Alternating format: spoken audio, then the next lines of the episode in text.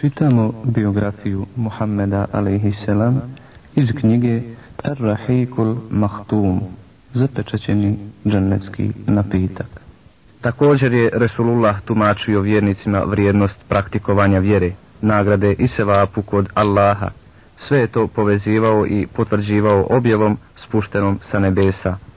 Učio je Kur'an i primjerom pokazivao kako i oni treba da rade i šta su dužni činiti prema obavezi širenja Islama. Tako je rastao ugled vjernika, obogaćen najvišim vrijednostima i najljepšim primjerima, dok ne postadoše uzvišeni primjer vjernika, kakvog ne poznavaše historija čovječanstva nakon poslanika. Resulullah alaihisselam je posjedovao i neke vidljive osobine koje su privlačile svakog sagovornika. Bio je lijepo građen, lijepog opođenja, spretan u poslu. Stoga je privlačio ljude, pa su hrlili da ga vide i čuju. U svom obraćanju obraćao se ashabima, uvažavao ih, volio ih i cijenio. Zato bi oni svaku njegovu riječ prihvatili i odmah je u dijelo sprovodili. Samo na ovakav način uspio je Resulullah a.s. da za kratko vrijeme udari čvrste i jake temelje jednoj novoj ljudskoj vjerskoj zajednici, najčistijoj koju je poznavala historija ikada. Udario je temelje zajednici koja je odolijevala svim strujama toga vremena i uspjela da ih usmjeri na pravi način i da napravi veliki preokret u historiji čovječanstva. Bismillahirrahmanirrahim. Velika bitka Bedra, prva odlučujuća bitka za Islam. U pohodu na Aširu spomenuli smo kurešijsku karavanu koja je umakla poslaniku alaihisselam, a kretala se iz Meke prema Šamu. Kada se primaklo vrijeme njenog povratka iz Šama, Resulullah alaihisselam posla Talhu bin Ubejdullah i Sejda bin Zejda na sjever u izviđanje. Oni stigoše u Havru i tu ostadoše dok ne naiđe karavana na čelu sa Ebu Sufjanom. Oni pokupiše informacije i vratiše se u Medinu da obavijeste Resulullaha alaihisselam. Karavana je bila ogromna, hiljadu natovaranih deva svim vrstama robe u koju je utrošeno veliko kurešijsko bogatstvo, a koje je iznosilo ne manje od 50.000 zlatnih dinara sa minimalnim obezbjeđenjem od 40 ljudi. Bila je to idealna prilika za medinske vojnike, a za nevjernike težak vojni, politički i ekonomski udarac ako izgube ovo silno bogatstvo. Stoga Resulullah a.s. obavijesti muslimane govoreći ide kurejšijska karavana, bogato natovarana, izađite i dočekajte je, možda će nam je Allah pokloniti. Resulullah a.s. nije nikom ni naredio, ani zabranio da krene na ovu karavanu. Ostavio je punu slobodu u odluci. Resulullah a.s. nije očekivao nikakav sukov sa kurešijskom vojskom zbog karavane. Nije očekivao da će doći do velike bitke na Bedru. Stoga većina ashaba osta u Medini. Oni su smatrali da Resulullahov alaihisselam izlazak na ovako presretanje karavane nije kao izlazak u prethodne izvidnice i pohode, te je zbog toga i dozvolio da ko hoće ide, a ko hoće ostane. Resulullah alaihisselam se pripremao za odlazak. S njim je krenulo 310 ljudi. Glavnu komandu i zastavu dade u ruke Musabu bin Umeir u Rejši. Zastava je bila bijela.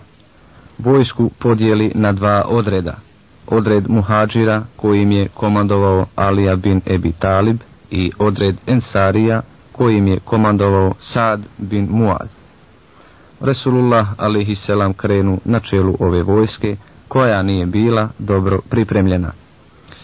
Ebu Sufjan kao vođa karavane je bio krajnje obazriv i oprezan. Znao je da je put za Meku veoma opasan i da su moguća razna iznenađenja poslao je svoje špijune da motre na svakog ko prolazi tim putem i da ga obavještavaju. Ubrzo dođe do njega vijest da je Muhammed a.s. podigao vojsku da presretne njihovu karavanu. Stoga on otpremi u Meku Damdama bin Amr el Gafariju s paničnim vijestima da mu pošalju ljude koji će odbraniti karavanu od Muhammeda a.s.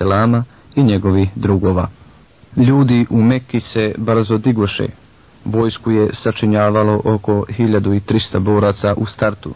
Imali su 100 konja, 600 oklopnika, a deva su imali toliko da im se i ne zna tačan broj. Glavni komandant je bio Ebu Džehl bin Hišam. Resulullah i Medinska vojska saznadoše za Mekansku karavanu i vojsku koja je krenula iz Mekke kao pojačanje, još dok su bili u dolini Zafran. Ustvrdili su da nemaju izbora i da ne mogu izbjeći sukob, jer bi to bilo kukavički. Stoga moraju nastaviti put s velikom hrabrošću, junaštvom, smjelo i odvažno, bodreći svoje vojnike. Svakako nije smio dozvoliti kurešijskoj vojsci da se baškari tim putevima kako hoće i da pokazuje svoju vojnu moć. Nema sumnje, oni bi bili u stanju nabaciti svoju vojnu, političku i ekonomsku dominaciju. To bi u svakom slučaju oslabilo pozicije muslimana na tim područjima, a islam bi postao kao paralizovano tijelo života, što bi oživjelo mržnju i sržbu svih protivnika islama na ovim prostorima. A nakon svega ovoga, ko bi bio taj da garantuje muslimanima da mekanska vojska neće krenuti na Medinu i poraziti muslimane na pragu njihovih kuća? Ne, muslimanska vojska se ne smije zavaravati. Svako i najmanje kolebanje bi moglo ostaviti najgore tragove na biće i ugled muslimana. U blizini Bedra odluči se Allahu poslanik lično da ode u izviđanje sa svojim drugom Ebu Bekrom Esidikom radi Allahu anhu. Allah Đelešanuhu te noći posla kišu koja je mušricima izazvala tegobu i neugodnost jer im je otežavala put i kretanje. A za muslimane je bila milost Allahova koja ih opra, očisti njihova tijela i odijela, rasladi i popasi zemlju, učvrsti pjesak i unese ljubav u njihova srca. Kiša je dakle za muslimane bila Božja milost. Resulullah alaihisselam odluči da krene s vojskom prema Bedru i preduhitri Kurejšije u zauzimanju veoma važnog izvorišta vode. Resulullah alaihisselam podiže vojsku i krenuše do neprijatelju najbližeg bunara. Tamo stigoše oko pola noći, iskopaše kanal i zatrpaše glavne izvore. Nakon što muslimani dovedoše sebi vodu, Saad bin Muaz predloži Resulullahu a.s. da muslimani iskopaju utvrđenja i da obezbijede komando mjesto u slučaju da dođu u situaciju da se povuku prije pobjede. Ova noć u oči bitke bila je u oči petka 17. Ramazana druge godine po Hidžri, a krenuo je iz Medine 8. ili 12. istog mjeseca. Bismillahirrahmanirrahim. Rascijep kurejšijske vojske na bojnome polju. Kurejšije su tu noć provele u svom taboru na El Udvetul Kusva. Kad se probudiše, krenu njihova konjica u dolinu Bedra. Nekoliko ih naiđe na kanal koji su muslimani iskopali. Resulullah alaihisselam reče, pustite ih, kogod se od njih napije vode, bit će danas ubijen, osim Hakima bin Huzama. On osta živ, a poslije primi islam i posta dobar musliman. Kad bi htio da se čvrsto zakune, govorio bi, tako mi onoga kome spasi na bedru. Kad se Kurejšije smjestiše u dolinu, ode u Meir bin Vehb el Džumehi da sazna nešto o muslimanskoj vojsci. Umeir, jašući na konju, obiđe muslimansku vojsku, vrati se Kurejšijama i reče im ima ih 300 ljudi, možda malo više, a možda i malo manje. Zatim reče, pričekajte malo dok vidim da nisu postavili zamku ili da ne imaju iza sebe pojačanje. On žurno odjaha dolinom, ali ne vidje ništa. Ode i dalje, ali opet ne vidje ništa. Vrati se kod njih i reče, nisam nikog vidio, ali znam i osjećam o kurejšije da nesreća donosi smrt Tegleće deve jesriba nose mrtve. Ta vojska ne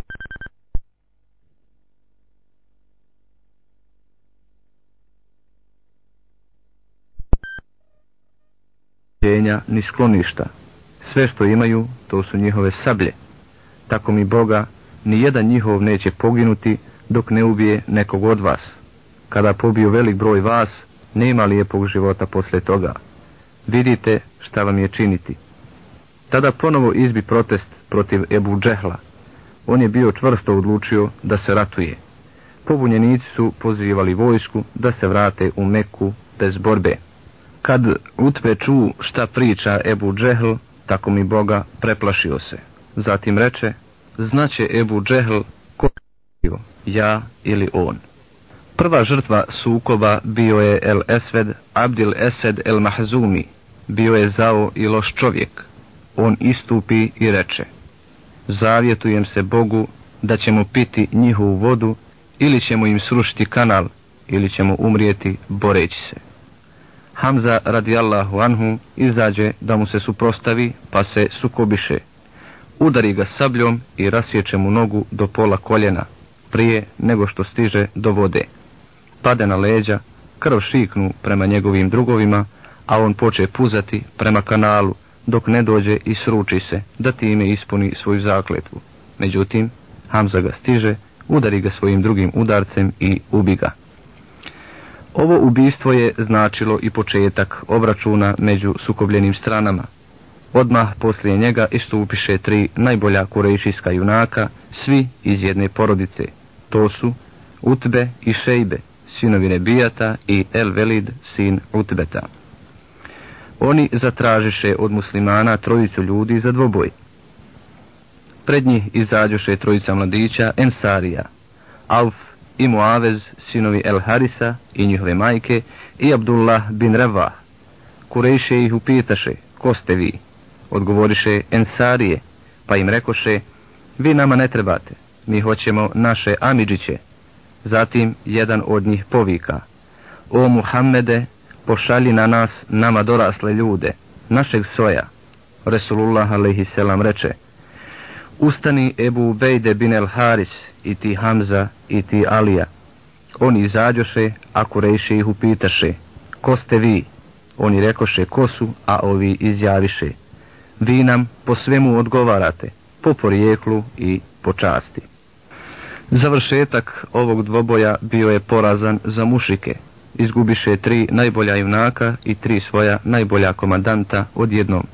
Stoga navališe na muslimane svi kao jedan a muslimani, nakon što zamoliše pomoć od Allaha Đerlašanuhu i na njega se osloniše, čvrsto riješeni da se bore u ime njega, zauzeše odbrambeni položaj i nanesuše mušicima ogromne žrtve uz poklik Ehadun Ehad, Allah je jedan i Allahu Ekber, Allah je najveći. Resulullah a.s. izda svojoj vojsci posljednje naredbe za kontranapad. On reče, zbijte redove i udrite svom snagom, potom dodade, tako mi stvoritelja, kogod danas učestvuje u ovoj bitci i s velikim strpljenjem, boreći se, a ne bježeći od borbe, bude ubijen, sigurno će u džennet ući. U redovima mušrika nastade nered, znaci poraza su bili sve vidljiviji. Mušrici počeše posrtati pred sve žešćim naletima muslimanske vojske. Kraj bitke se približavao mušrici počeše masovnu bježaniju sratišta. Muslimani su ih pristizali, ubijali, zarobljavali ih, dok ih potpuno ne poraziše. U bitci na Bedru koplja su ukaraštali, otac i sin, brat i brat, osobe koje je krv vezivala, a ideja razdvajala. Ideja je bila jača od krvi. Zbog nje se isukaše sablje, zbog nje dobismo pobjednike i pobjeđene. Bismillahirrahmanirrahim. Vijest o porazu stiže u Meku. Mušici su bježali sa bedra glavom bez obzira, pojedinačno i u grupama, kako je ko stizao. Tumarali su putevima, dolinama i stazama, želeći što prije da se domognu Mekke, ali sa velikim strahom, kako će se tamo pojaviti poraženi. Ibn Ishak kaže, Prvi koji je stigao s tužnom vješću Kurešijama bio je El Hajsuman bin Abdullah El Huzai. Kurešija ga dočekaše s pitanjem šta ima tamo, kakve nam vijesti nosiš? On odgovori ubijen je Utbe bin Rebija, Šejbe bin Rebija i Ebul Hakem bin Hišam, zatim Umeije bin Halef sa ostalim prvacima koje je nabrojao. Kad je nabrojao kurejšijske prvake, Safan bin Umeije, koji je ostao da čuva Mekku, povika, da li je normalan ovaj čovjek? Pitajte ga za mene, oni upitaše, a šta je sa Safanom bin Umejetom? On još uvijek sjedi kod vas, ali, tako mi Boga, gledao sam njegovog oca i brata kada su ubijeni. Eto, u ovakvom stanju Mekka dočeka vijest o porazu na Bedru. To izazva u njima veliko razočarenje, a i srđbu. Poraz, poraz. Kako je moglo doći do njega? Stoga zabraniše naricanje nad mrtvima Bedra, da se ne bi muslimani zlu radovali. Desilo se da su El Esvedu bin Abdul Mutalibu stradala tri sina na Bedru. Dugo je plakao za njima, a bio je slijepac. On jedne noći ču glas narikače. Posla svoga slugu i reče mu, vidi je li nariče za poginulim ili za nekim umrlim. Vidi da li kurejšije plaču za poginulim, pa da i ja plačem za Ebi Hikmetom, svojim sinom, utroba mi sagori. Dječak se vrati i reče, ta žena nariče za izgubljenom devom. El Esved se nije više mogao obuzdati pa zakuka. Azar plače za odbjeglom devom i zbog nje ne ima tvrdog sna. Ne plač zbog nje, već plači za bedrom gdje ode nam mladost naša sva. Na drugoj strani vijest o pobjedi stiže i u Medinu. Kada muslimani ostvariše pobjedu na Bedru, Resulullah a.s. posla dva glasnika sa radosnim vijestima stanovnicima Medine. On posla Abdullaha bin Ravaha i Zaida bin El Haris. Jevreji i munafici, dvoličnjaci, su širili u Medini lažnu propagandu, pa su pronijeli vijest i da je Resulullah a.s. ubijen. Kad je jedan od munafika ugledao Zaida na Resulullahovoj devi, povika, Muhammed je ubijen, evo njegove deve, poznao sam je. Evo Zejda, on ne zna od straha šta govori, došao je posramljen i poražen. Kad stigoše glasnici, muslimani ih okružiše i saslušaše njihove vijesti. Kad čuše radosnu vijest, nastade pravo sveopšte veselje. Medinom se zauriše tekbiri. Muslimanski prvaci koji su ostali u Medini krenuše u pravcu Bedra da dočekaju Resulullaha alaihisselam i da mu čestitaju na ovoj slavnoj pobjedi. Nakon bitke Resulullah alaihisselam je proveo na Bedru tri dana. Pred povratak u Medinu izbi među vojskom nesporazum oko podjele ratnog plijena. Kada se nesporazum pretvori u svađu, Resulullah a.s. naredi da svi vrate ono što su uzeli i da se to sabere na jedno mjesto. To i uradiše, a Allah Đalešanuhu razreši problem plijena objavljivanjem ajeta kojeg ćemo navesti. Prenosi se od Ubadeta bin Samit koji kaže Krenuli smo sa Resulullahom a.s. i učestvovali na Bedru. Strane se sukobiše i Allah Đalešanuhu porazi neprijatelja jedna grupa naših boraca krenu u potjeru za neprijateljem, ubijajući onoga koga stignu, a druga grupa navali na ratni plijen, sakupljajući ga i uzimajući sebi što im se svidjelo. Treća grupa, koja je okruživala Resulullaha a.s., niti je tjerala neprijatelja, niti je kupila plijen. Utom i pade noć, a grupe se prepirahu oko ratnog plijena. Oni što su skupljali plijen rekoše, mi smo ga sakupili i on je naš niskim ga nećemo dijeliti. Potjernica povika, niste u pravu. Mi smo se borili, a potom tjerali i neprijatelja. Niste vi sami taj plijen zaradili. Treća grupa povika, mi smo bili zaduženi za obezbeđenje i zato smo se zadržali uz poslanika Alehi Selam. U tom momentu Allah Đelešanuhu objavi. Bismillahirrahmanirrahim. Jes'eluneke anil enfal. Kulil enfalu lillahi var resul.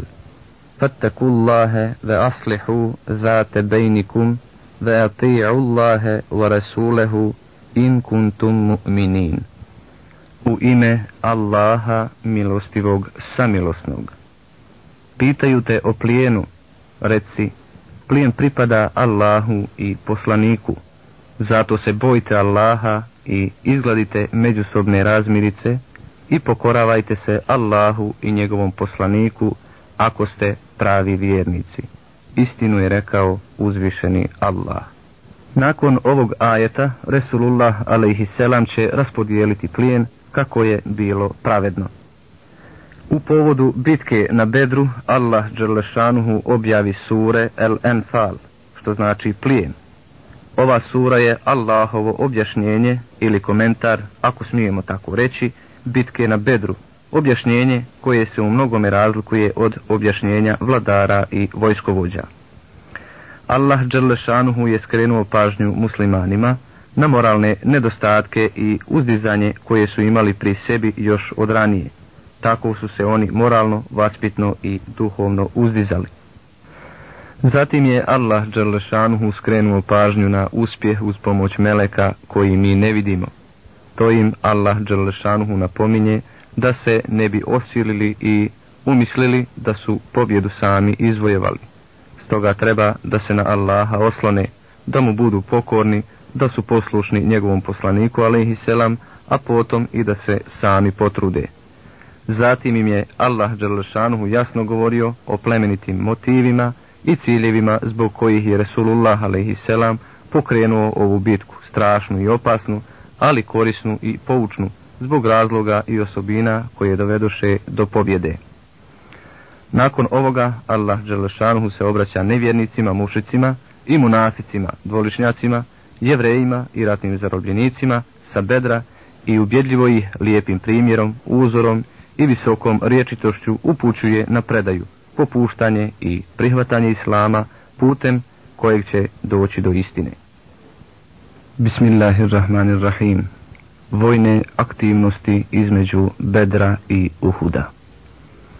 Bitka na Bedru je bila prvi oružani sukob između muslimana i mušrika. To je bila odlučujuća bitka u kojoj su muslimani zaradili pobjedu za koju saznaše svi Arapi veoma brzo. Najveći gubitnici ove bitke bili su oni koji su izgubili velike ljudske žrtve i štetovali direktno materijalna dobra. To su bili mušrici Meke. Drugi su bili oni koji su s pobjedom muslimana doživjeli veliki udarac na svoje vjersko biće i svoju ekonomiju. To su jevreji. U Medini je bilo i prikrivenih neprijatelja. Primiše islam radi svoje koristi, a ne radi vjere. Na čelu njih je Abdullah bin Ubej i njegovo društvo. Oni nisu ni u kojem pogledu bili manje opasni po muslimane od prva dva neprijatelja. Postojala je i četvrta skupina neprijatelja, a to su beduini, nastanjeni oko Medine.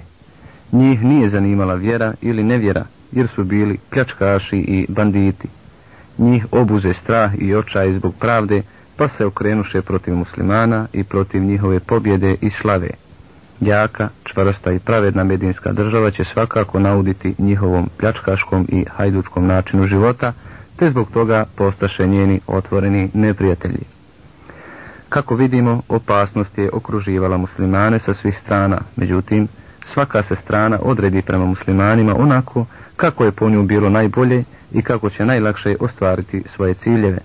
I dok su muslimani Medine učvršćivali svoju životnu trasu, stajući na put zavjerama, pobunama i sličnim smicalicama, jevreji se oglasiše javnim neprijateljstvom, izražavajući tako svoj gnjev i mržnju, a Mekka također zaprijeti žestokom osvetom, najavljujući odmazdu, čineći sve to javno i otvoreno. I stvarno, mušici će pokrenuti jednu novu bitku, tešku i kobnu po muslimane, a poznatu u historiji pod nazivom Bitka na Uhudu. Muslimani u Medini, okruženi neprijateljima sa svih strana, vodili su mudru politiku, vodeći računa da ne zapadnu u greške, a imali su neobično sposobnog vođu u Resulullahu a.s. koji je bio oštruman, uvijek trezven, obavješten o svakoj opasnosti, te je uspješno odoljevao svim neprijateljstvima. Evo nekoliko neprijateljskih pokušaja. Prva nepovoljna vijest koja je došla Resulullahu a.s. u Medinu je bila da plemena Benu Sulejm od Gatafana pripremaju svoju vojsku da napadnu Medinu.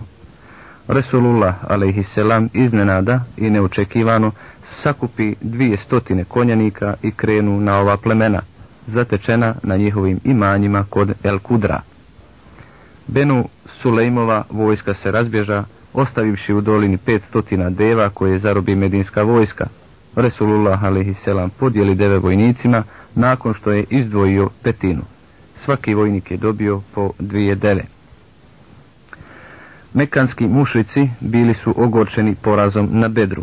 Nikako nisu mogli shvatiti kako je došlo do njega. Zato je njihova mržnja svakim danom bivala sve veća protiv čovjeka koji je kriv za svu njihovu nesreću, protiv Allahovog poslanika Muhammeda a.s. Zavjeru sklopiše dva mekanska junaka. Cilj je okončati sa onim koje i kriv za sav ovaj razdor, a to je Resulullah a.s. Umeir bin Vehd i Safan bin Umeje sjedoše ubrzo poslije bedra da kuju grozni plan. Umeir je inače prozvan imenom šeitan Kurejšija, koji je stalno zlostavljao Resulullah a.s. i njegove ashabe. Njegov sin Veh bin Umeir je bio zarobljenik Bedra.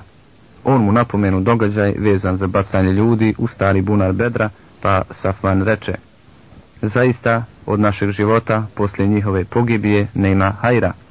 Umeir odgovori, tako je. Da ne imam dug koji treba da vratim i djecu koju treba da zaštitim, tako mi Boga išao bih ubiti Muhammeda, a imam i prema njima obavezu jer je moj sin njihov zarobljenik. Safan iskoristi priliku i reče, tvoj dug primam na sebe, ja ću ga vratiti za tebe. Tvoja djeca će biti sa mojom djecom, pomagat ću ih do smrti. Ništa ja neću imati, a da oni ne imaju. Umeir mu reče, nikom ništa ne govori o ovome. Dobro, odgovori Safan. Umeir naredi da mu se sablja naoštri pa krenu u Medinu. Kad je došao do Meščida, svjaha i poče vezati devu.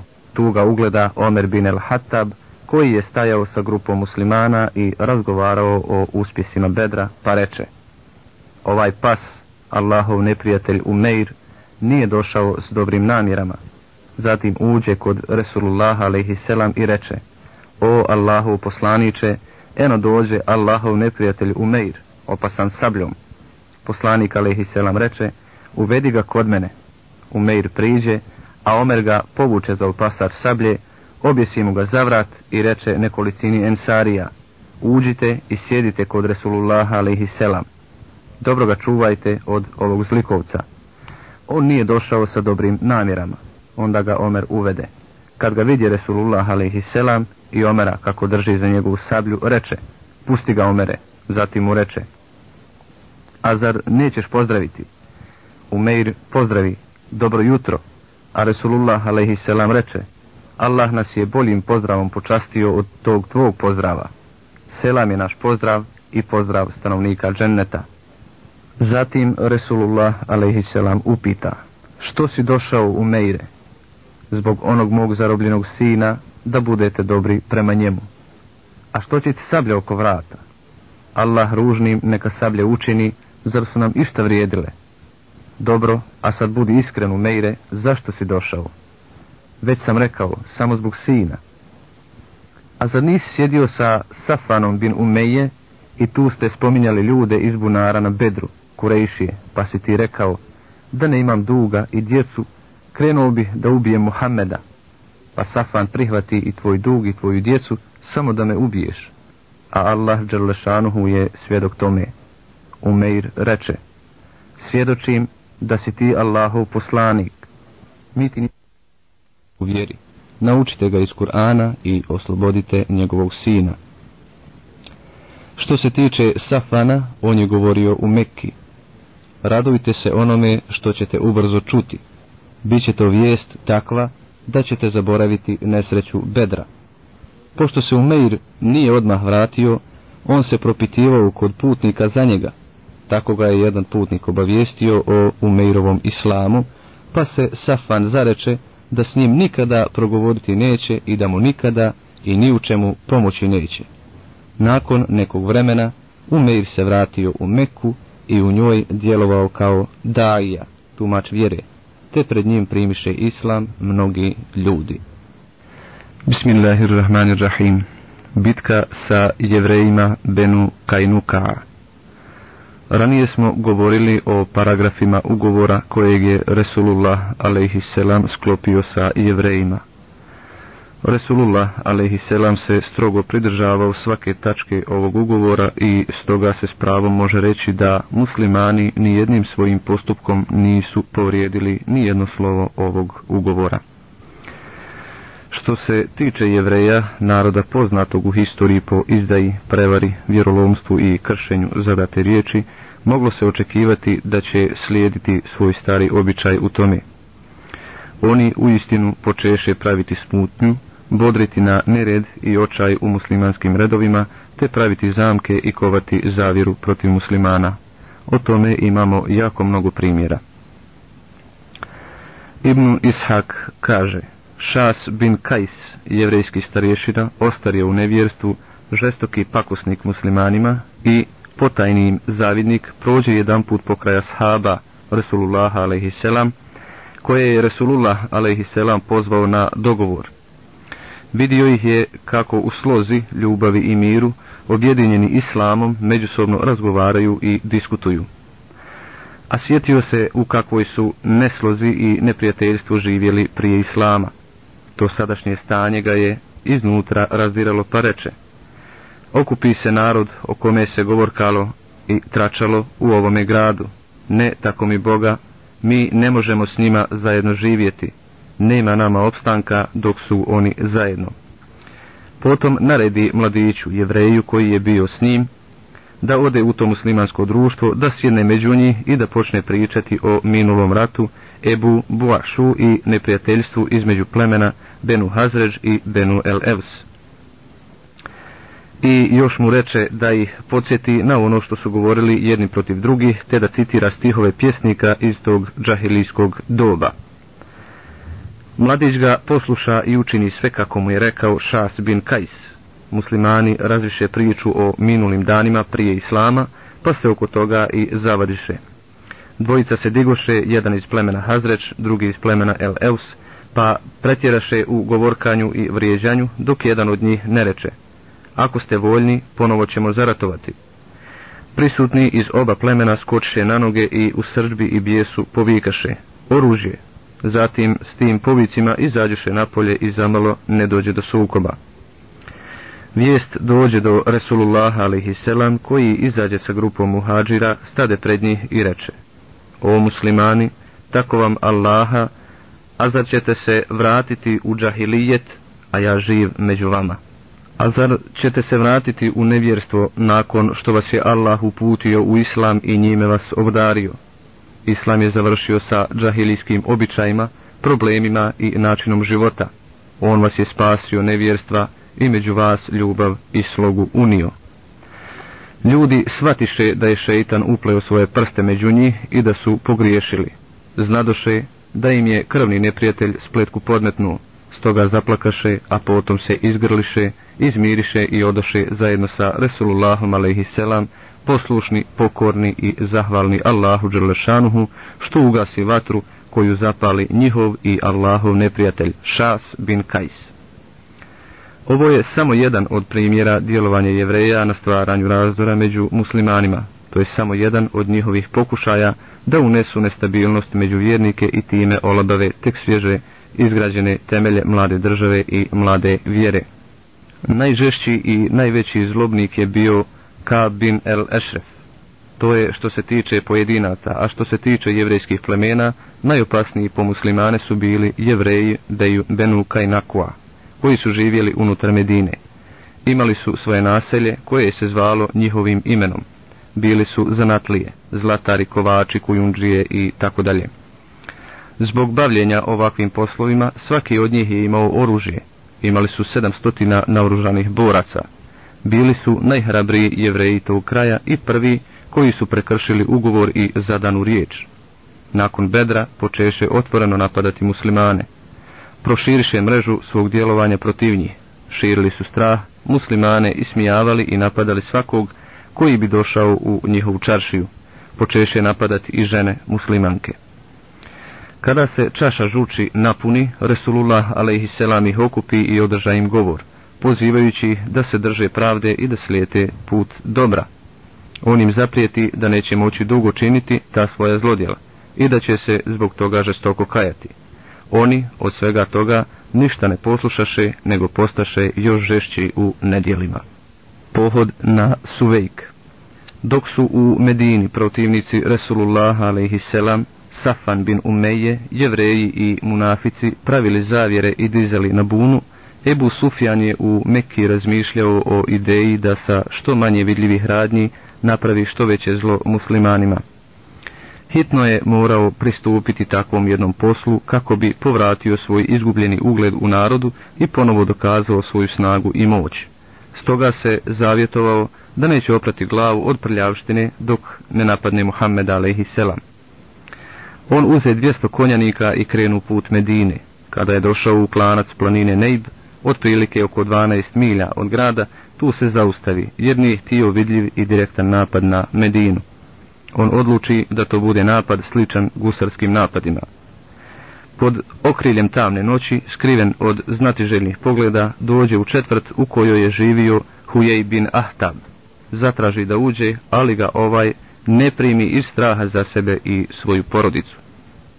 Ebu Sufjan zatim ode kod Selama bin Miškema, starješine Beni En Nadira, drugog jevrejskog plemena i njihovog rizničara, pa zatraži da uđe kod njega.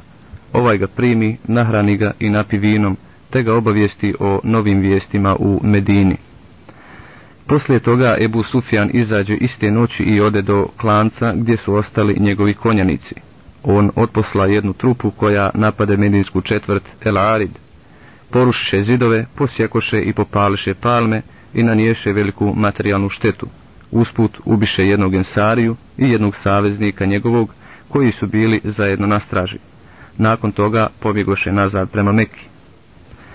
Resulullah selam sazna za ovaj gusarski napad Ebu Sufjana, pa krenu u potjeru za njim i njegovom konjicom, koji su već pobjegli velikom brzinom.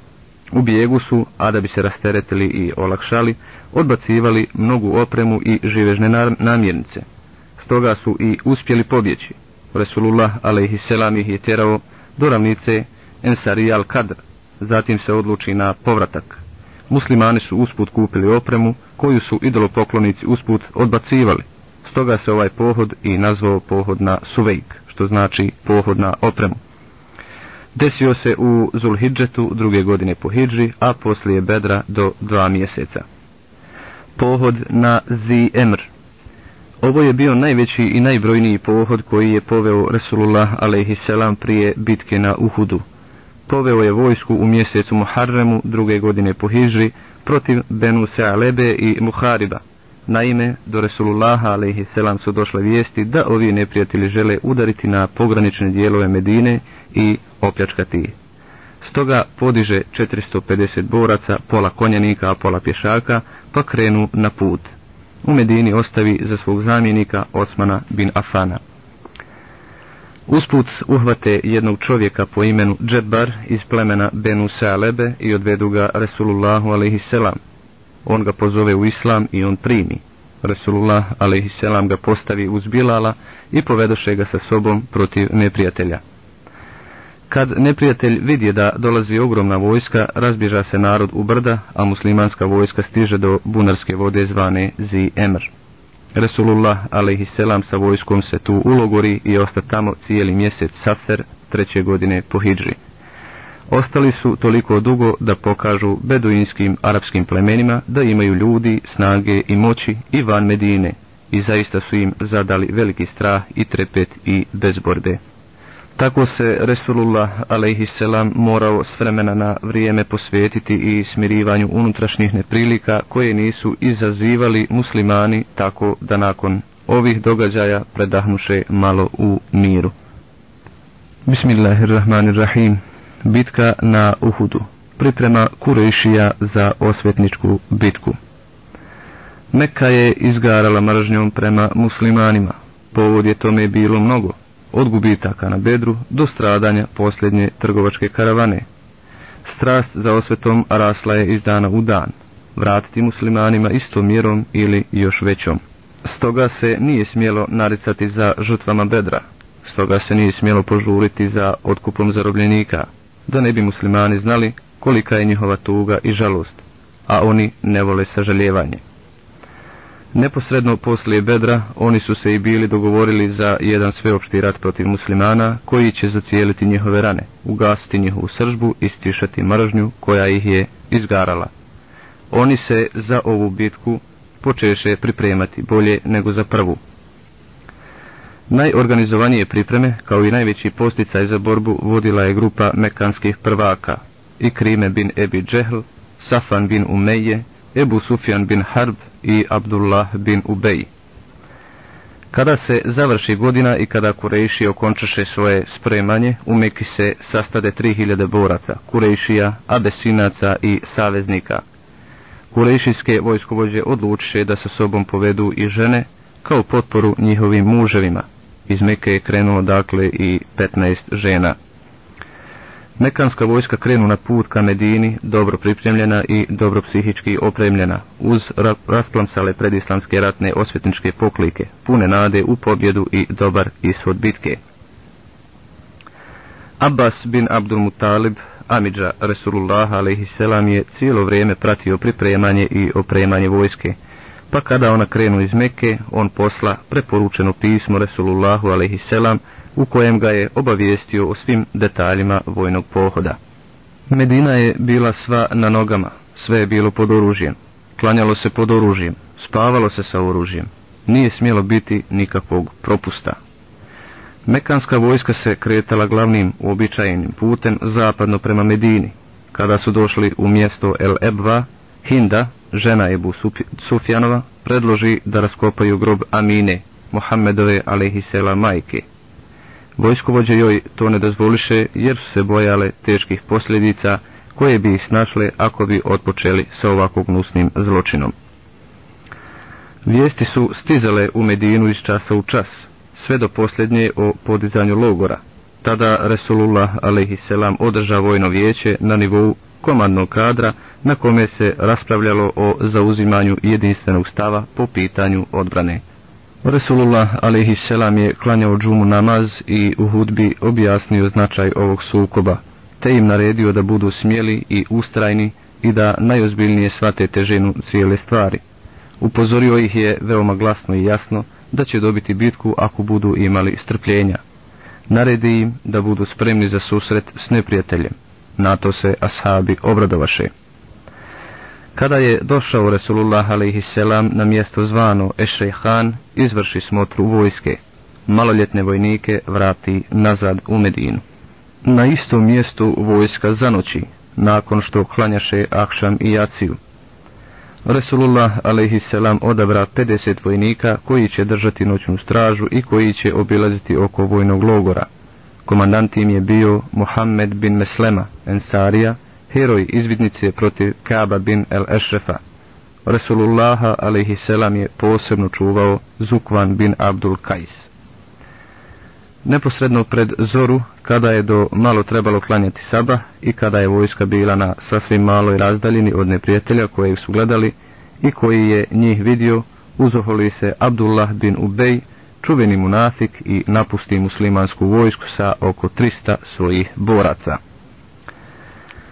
Nakon ovih neprijatnih događaja, Resulullah a.s. se diže sa ostatkom vojske, njih oko 700 boraca, da nastavi put prema neprijatelju. Međutim, ogromna neprijateljska vojska ulogorila se na velikom prostranstvu Uhudske doline, pa je bilo veoma teško zaobići neke njene grupe na tom putu. Stoga se Resulullah a.s. obrati s pitanjem, ko bi mogao da nas provede ovim putem, a da zaobiđemo neprijatelja i da ne nailazimo na njih u prolazu. Ebu Hajsema reče, ja, o Allahu poslaniće, on zaista izabra kratki put do Uhuda koji je prolazio preko zemlje Benu Hariseta, ostavljajući vojsku mušrika na zapadu. Resulullah a.s. na tom mjestu postavi vojsku i rasporedi je u redove i krila, spremne na borbu, on izabra jednu grupu od 50 vještih strelaca i dade zapovjedništvo u ruke Abdullahu bin Džubeiru en Nu'manu, koji je bio ensarija iz plemena El Eus i koji je učestvovao na Bedru. Resulullah a.s. naredi da niko ne smije ni strijelu odapeti dok on ne naredi. Lijepo mu je stajao dvostruki borbeni oklop s kojim je ponosito išao od borca do borca, hrabreći ih i upućujući ih na strpljenje u čekanju i na neustrašivost i hitrinu u okršaju. Kurejšije poredaše svoju vojsku u redove. Glavno komandujući je bio Ebu Sufjan koji se postavi u sredinu vojske. Neposredno pred bitku Kurejšije pokušaše još jedan put napraviti razdor u muslimanskim redovima. Ebu Sufjan posla poruku Ensarijama u kojoj im kaže Pustite da se mi obračunamo sa našim Amidžićem, a vas nećemo dirati. Nama nije potrebno da s vama ratujemo. Tako je i ovaj kurejšijski manevar da razbije i razjedi muslimanske redove propao, ali je ipak ovo govorilo koliki su imali strah od Resulullaha, a i njegove vojske i pored toga što su bili brojniji i spremniji. Kurejšijke su dale svoj veliki udio u ovoj bitci, vođa im je bila Hind, kći Udbeta, žena Ebu Sufjana. Ona je sa ostalim ženama obilazila vojničke redove, udarale su u defove i pjevale o bivšim junacima. Bodrile su na borbu, podsjećale na poginule očeve, sinove i braću. Dva neprijatelja se približiše i prvu varnicu upali nosač mušičke zastave, Talha bin Ebi Talha el Abderi, jedan od najjačih junaka Kurejšija kojeg su muslimani zvali Ovan, zvonar. Izađe ispred vojske, jašući kamilu i pozva na dvoboj. Pred njim ustupnuše mnogi, bojeći se njegove jačine i hrabrosti.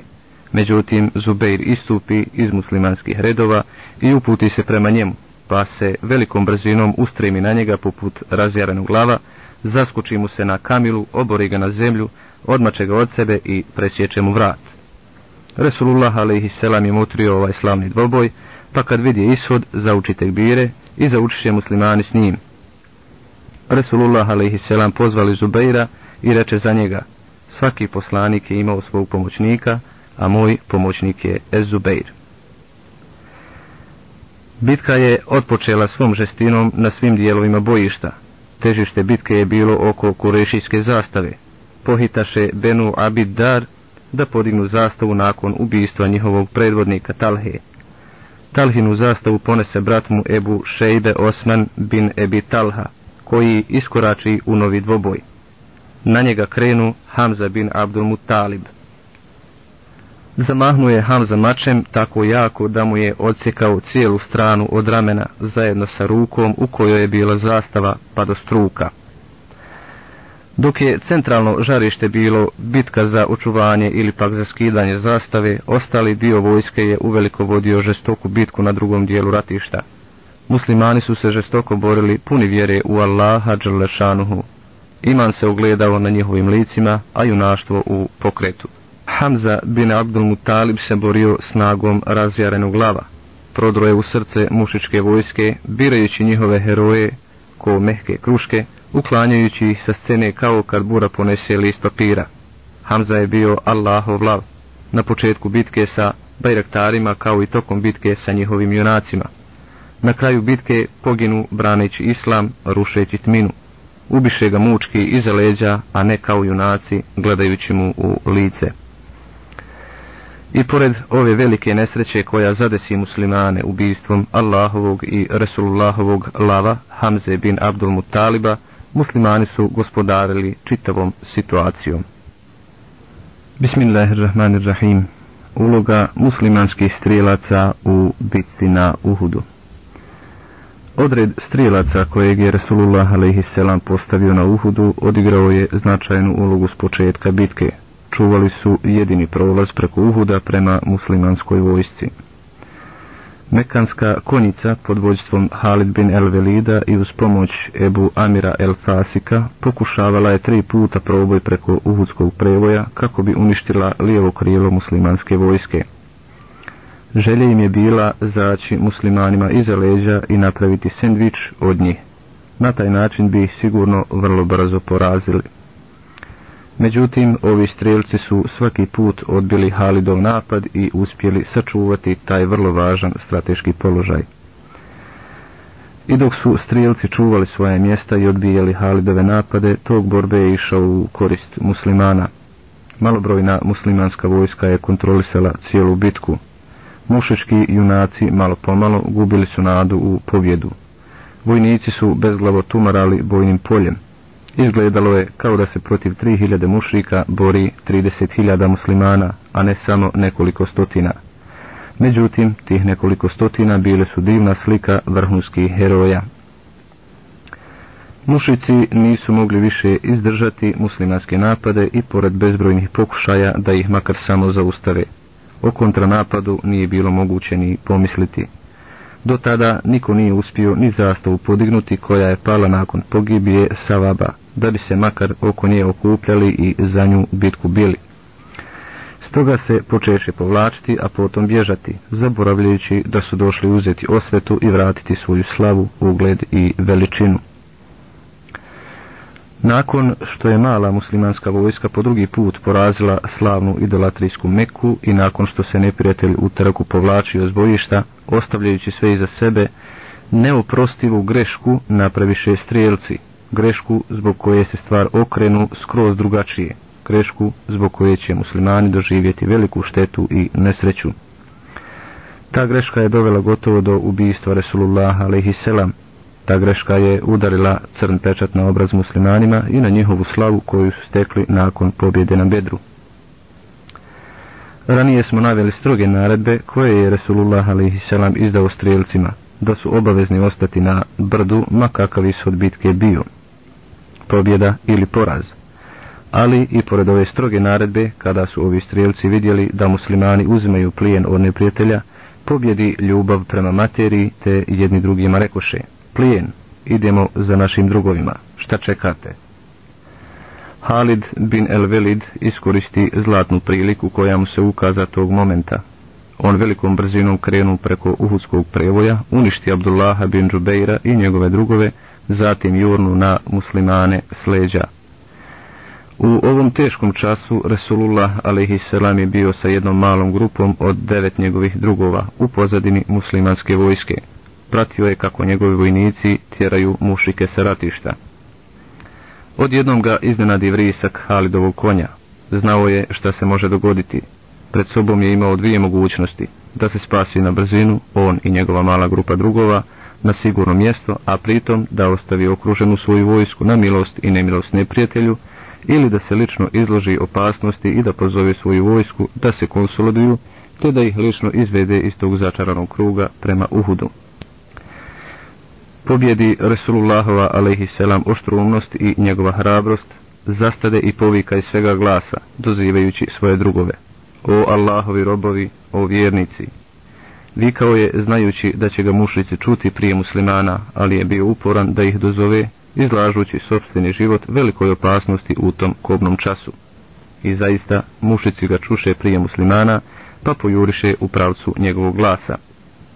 Kada muslimani padoše u okruženje, grupa njih je u tim trenucima vodila račun samo o sebi.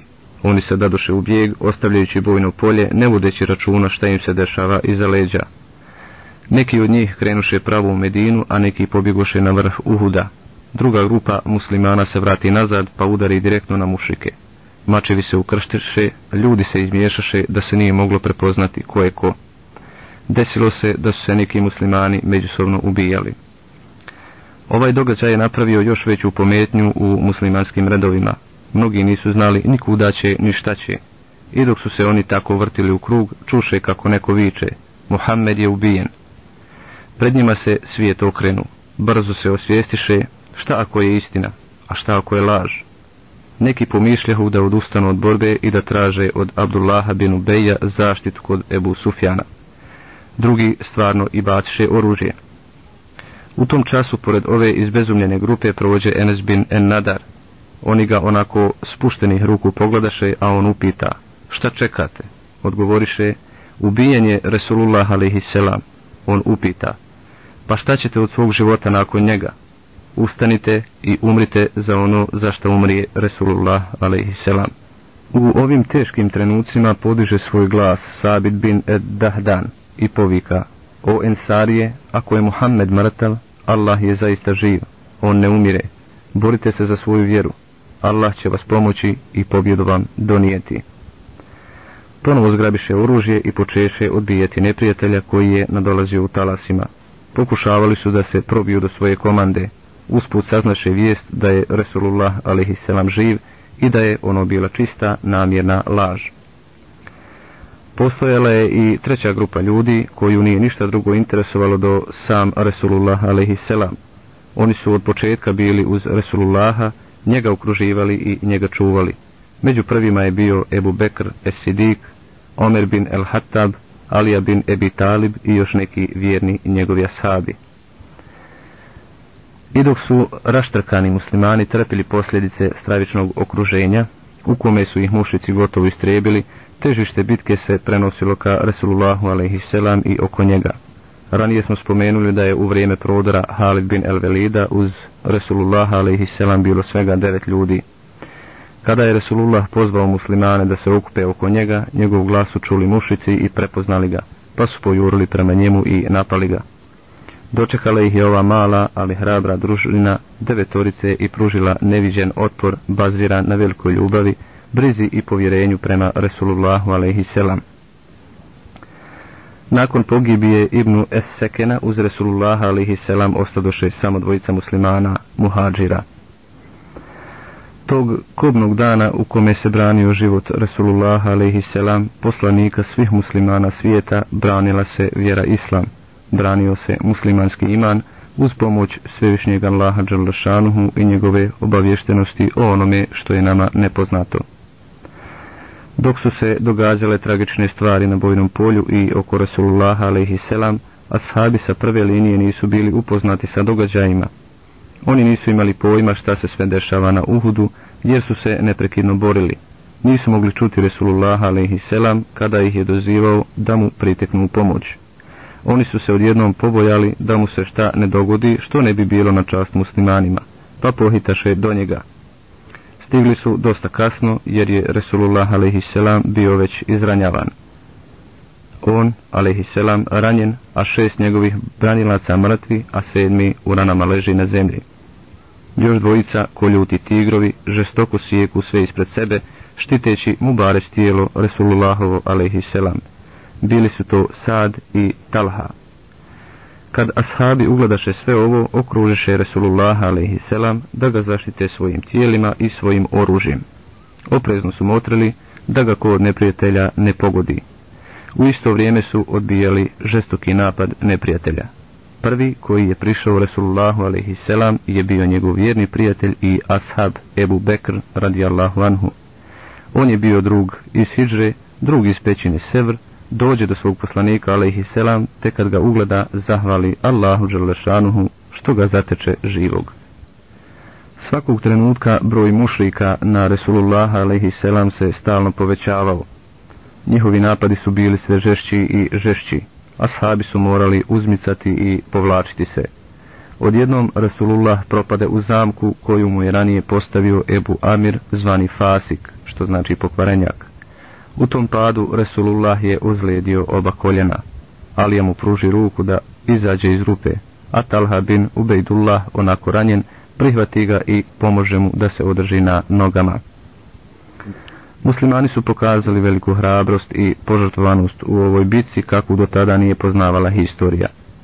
Ebu Talha je svojim tijelom štitio Resulullah a.s. Svojim grudima je dočekivao neprijateljska koplja. Enes radijallahu anhu pripovjeda kad je bila bitka na Uhudu strada svijet oko Resulullah a.s. a Ebu Talha je ispred njega sa štitom u rukama dočekivao strijele. Kada poginu Musab, Resulullah a.s. predade Bajrak Ali bin Ebi Talibu radijallahu anhu koji svom žestinom nastavi bitku. Također i ostali ashabi nastaviše borbu svom snagom, Tada Resulullah a.s. pođe za rukom da se probije do okružene vojske. Kad im se primače, prepozna ga Kaab bin Malik i povika iz sve glasa. O muslimani,